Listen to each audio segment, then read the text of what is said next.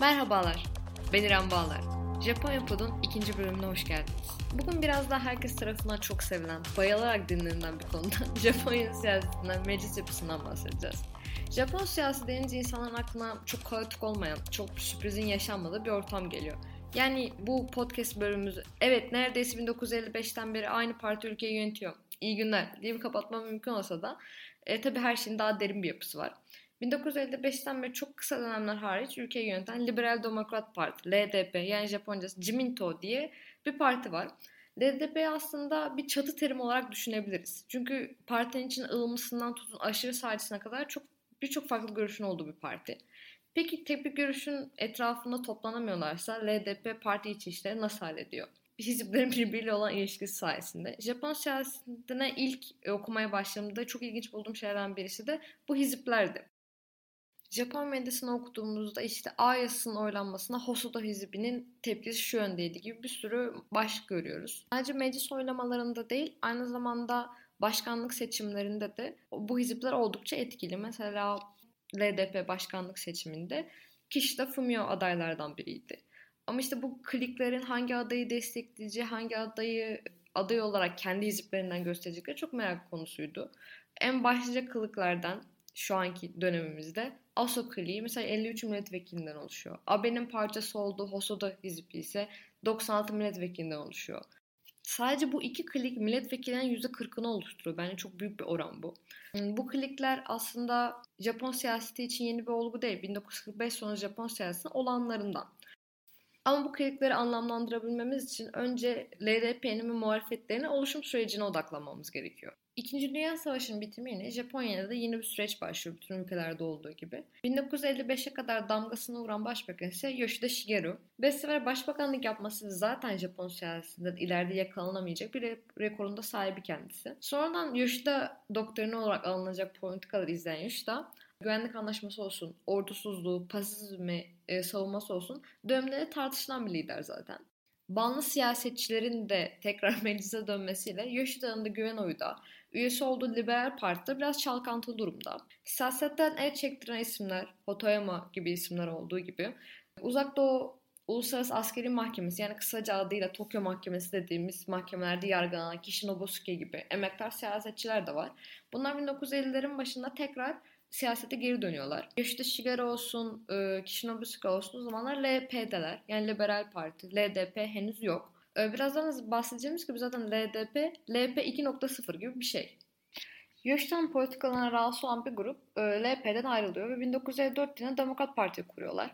Bu isimler arasında Hatoyama, Kishinobusuke, Ishibashi Tanzan gibi önemli isimler de var. Ve kısa süre içinde Temsilciler Meclisi'nde yani alt mecliste 120 civarı milletvekilini kendi bünyesinde toplayabiliyorlar. Zaten kendilerini kanıtlamış milletvekilleri olduğu için geri kalan milletvekilleri de bu partide onları izliyor. Japonya çift meclis yapısına birazdan değineceğim. 1954 Aralık seçimlerinde yeni kabineye Hotoyama kuruyor. Ancak mecliste salt çoğunluğu yakalayamadıkları için Japon Sosyal Partisi yani JSP ile koalisyon hükümeti kurmak zorunda kalıyorlar. Yoshida gibi bir ko- koalisyon hükümeti oluyor. Ancak bu dönemde JSP sağ ve sol olarak ikiye ayrılmış vaziyette. Solcular bile kendi aralarında sol olarak bölünüyorlar. Ama Şubat 1955 seçimlerinin oylarını arttırmış olan bu iki grupta partileri birleştirme görüşmelerine başlıyorlar. Bunun üzerine gözler tabii ki LP ve Demokrat Parti'ye dönüyor. Hani siz ne zaman birleşeceksiniz? Siz birbirinizin bir parçasınız, dargınlık olmaz, kardeş kardeşe kırılmaz gibi bir yaklaşımdan ziyade Partilerin birleşmesi mecliste salt çoğunluk sağlanması hedefleniyor. Ana amaç bu. 1955'te Liberal Parti ve Demokrat Parti'nin birleşmesiyle günümüzdeki LDP doğmuş oluyor. Ee, buna da 1955 sistemi diyoruz. İktidarda LDP'nin, ana muhalefette Japonya Sosyalist Parti'nin olduğu bu sistem 1990'lara kadar devam ediyor.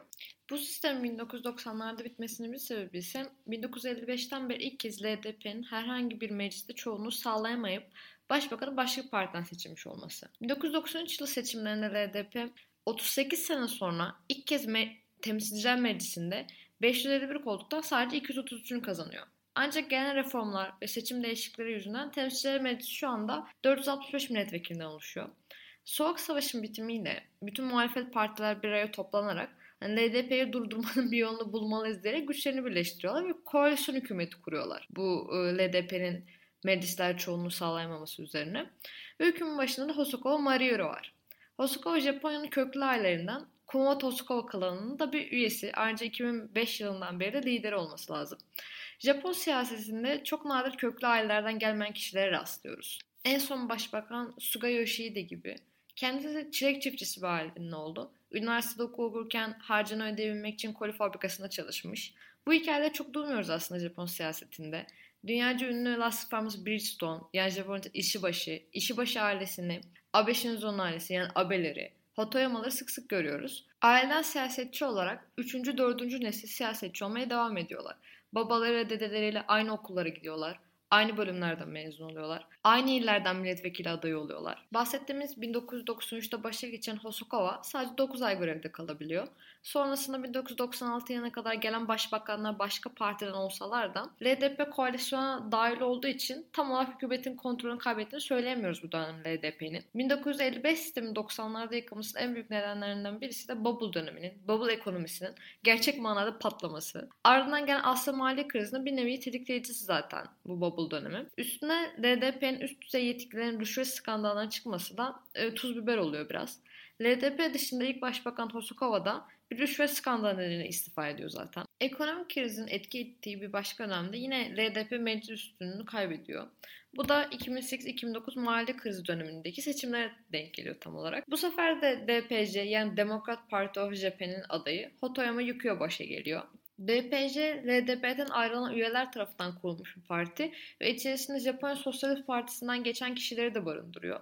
Ortak bir konuda uzlaşma konusunda LDP'ye dönüyorlar bu açıdan biraz. Zaten 2009 yılından 2012 yılına kadar 3 LDP dışı başbakandan sonra 2012 yılında Abe Shinzo'nun tekrar aday olmasıyla güç LDP'ye dönüyor. Bu LDP dışı başbakanlardı zaten Hatoyama Yukio, Kan Noota, Noda Yoshihiko gibi isimler. Fark ettiyseniz neredeyse 3 sene içinde 3 farklı başbakan değişikliğinden bahsediyoruz. Japonya'da 2. Dünya Savaşı'nın bitiminden beri çift meclis sistemi kullanılıyor.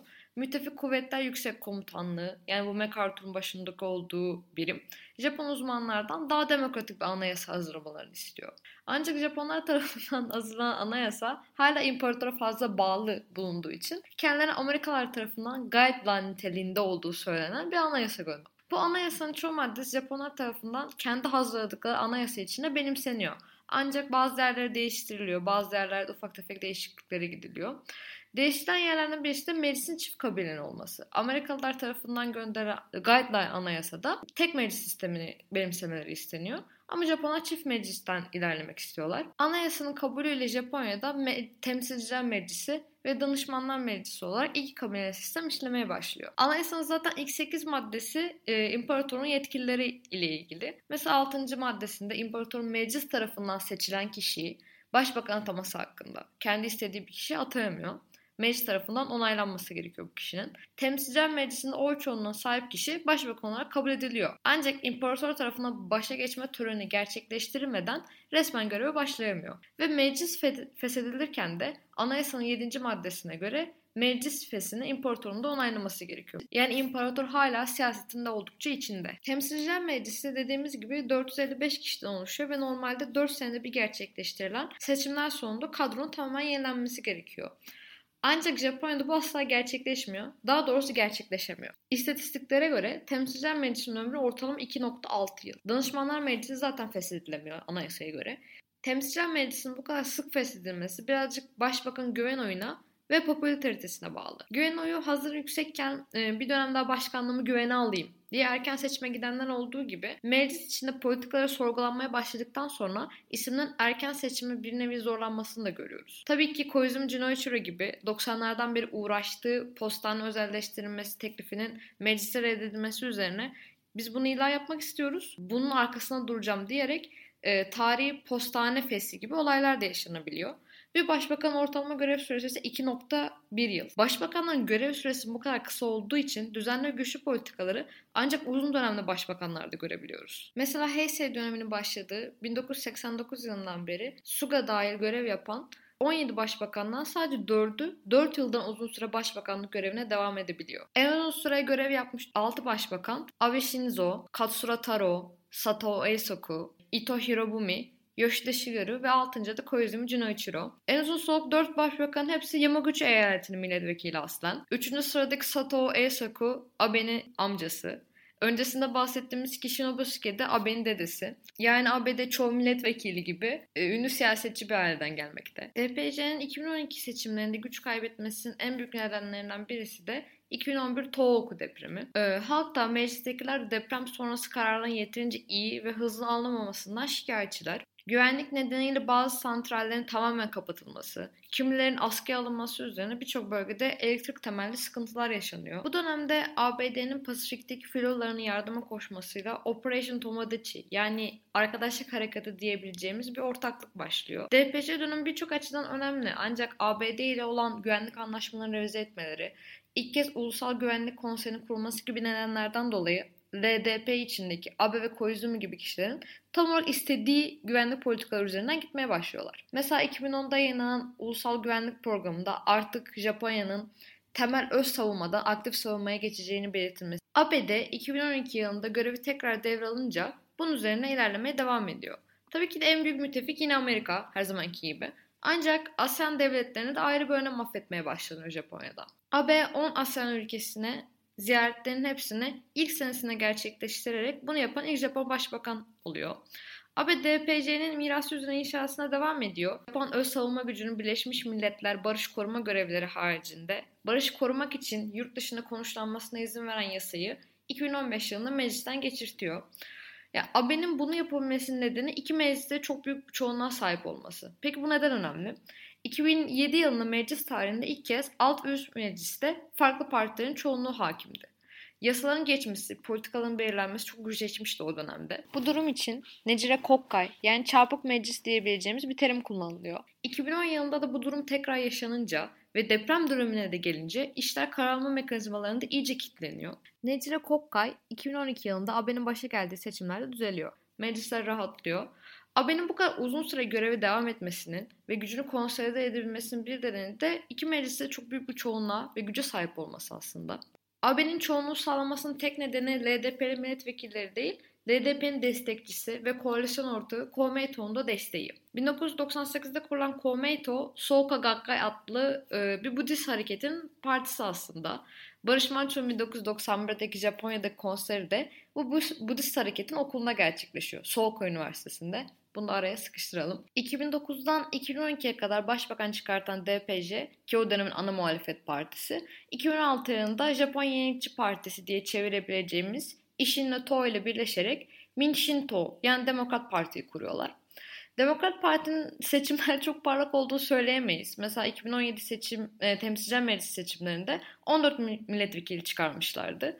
2018 yılında da Umut Partisi ile birleşerek Democratic Party for the People adıyla devam ettiler. Bu partinin şu anda temsilciler meclisinde 11, Danışmanlar Meclisi'nin 12 milletvekili var. Yeri çok parlak bir parti olduğu söylenemez. Aslında bu bölümün amacı 31 Ekim'de gerçekleştirilen Temsilciler Meclis seçimlerine bir tür hazırlıktı. Bu bölümde meclis sisteminden ve Japonya'nın başlıca siyasi partilerinden bahsettik. Bu hafta yayınlanacak seçim özel bölümümüzde de seçimleri değerlendireceğiz.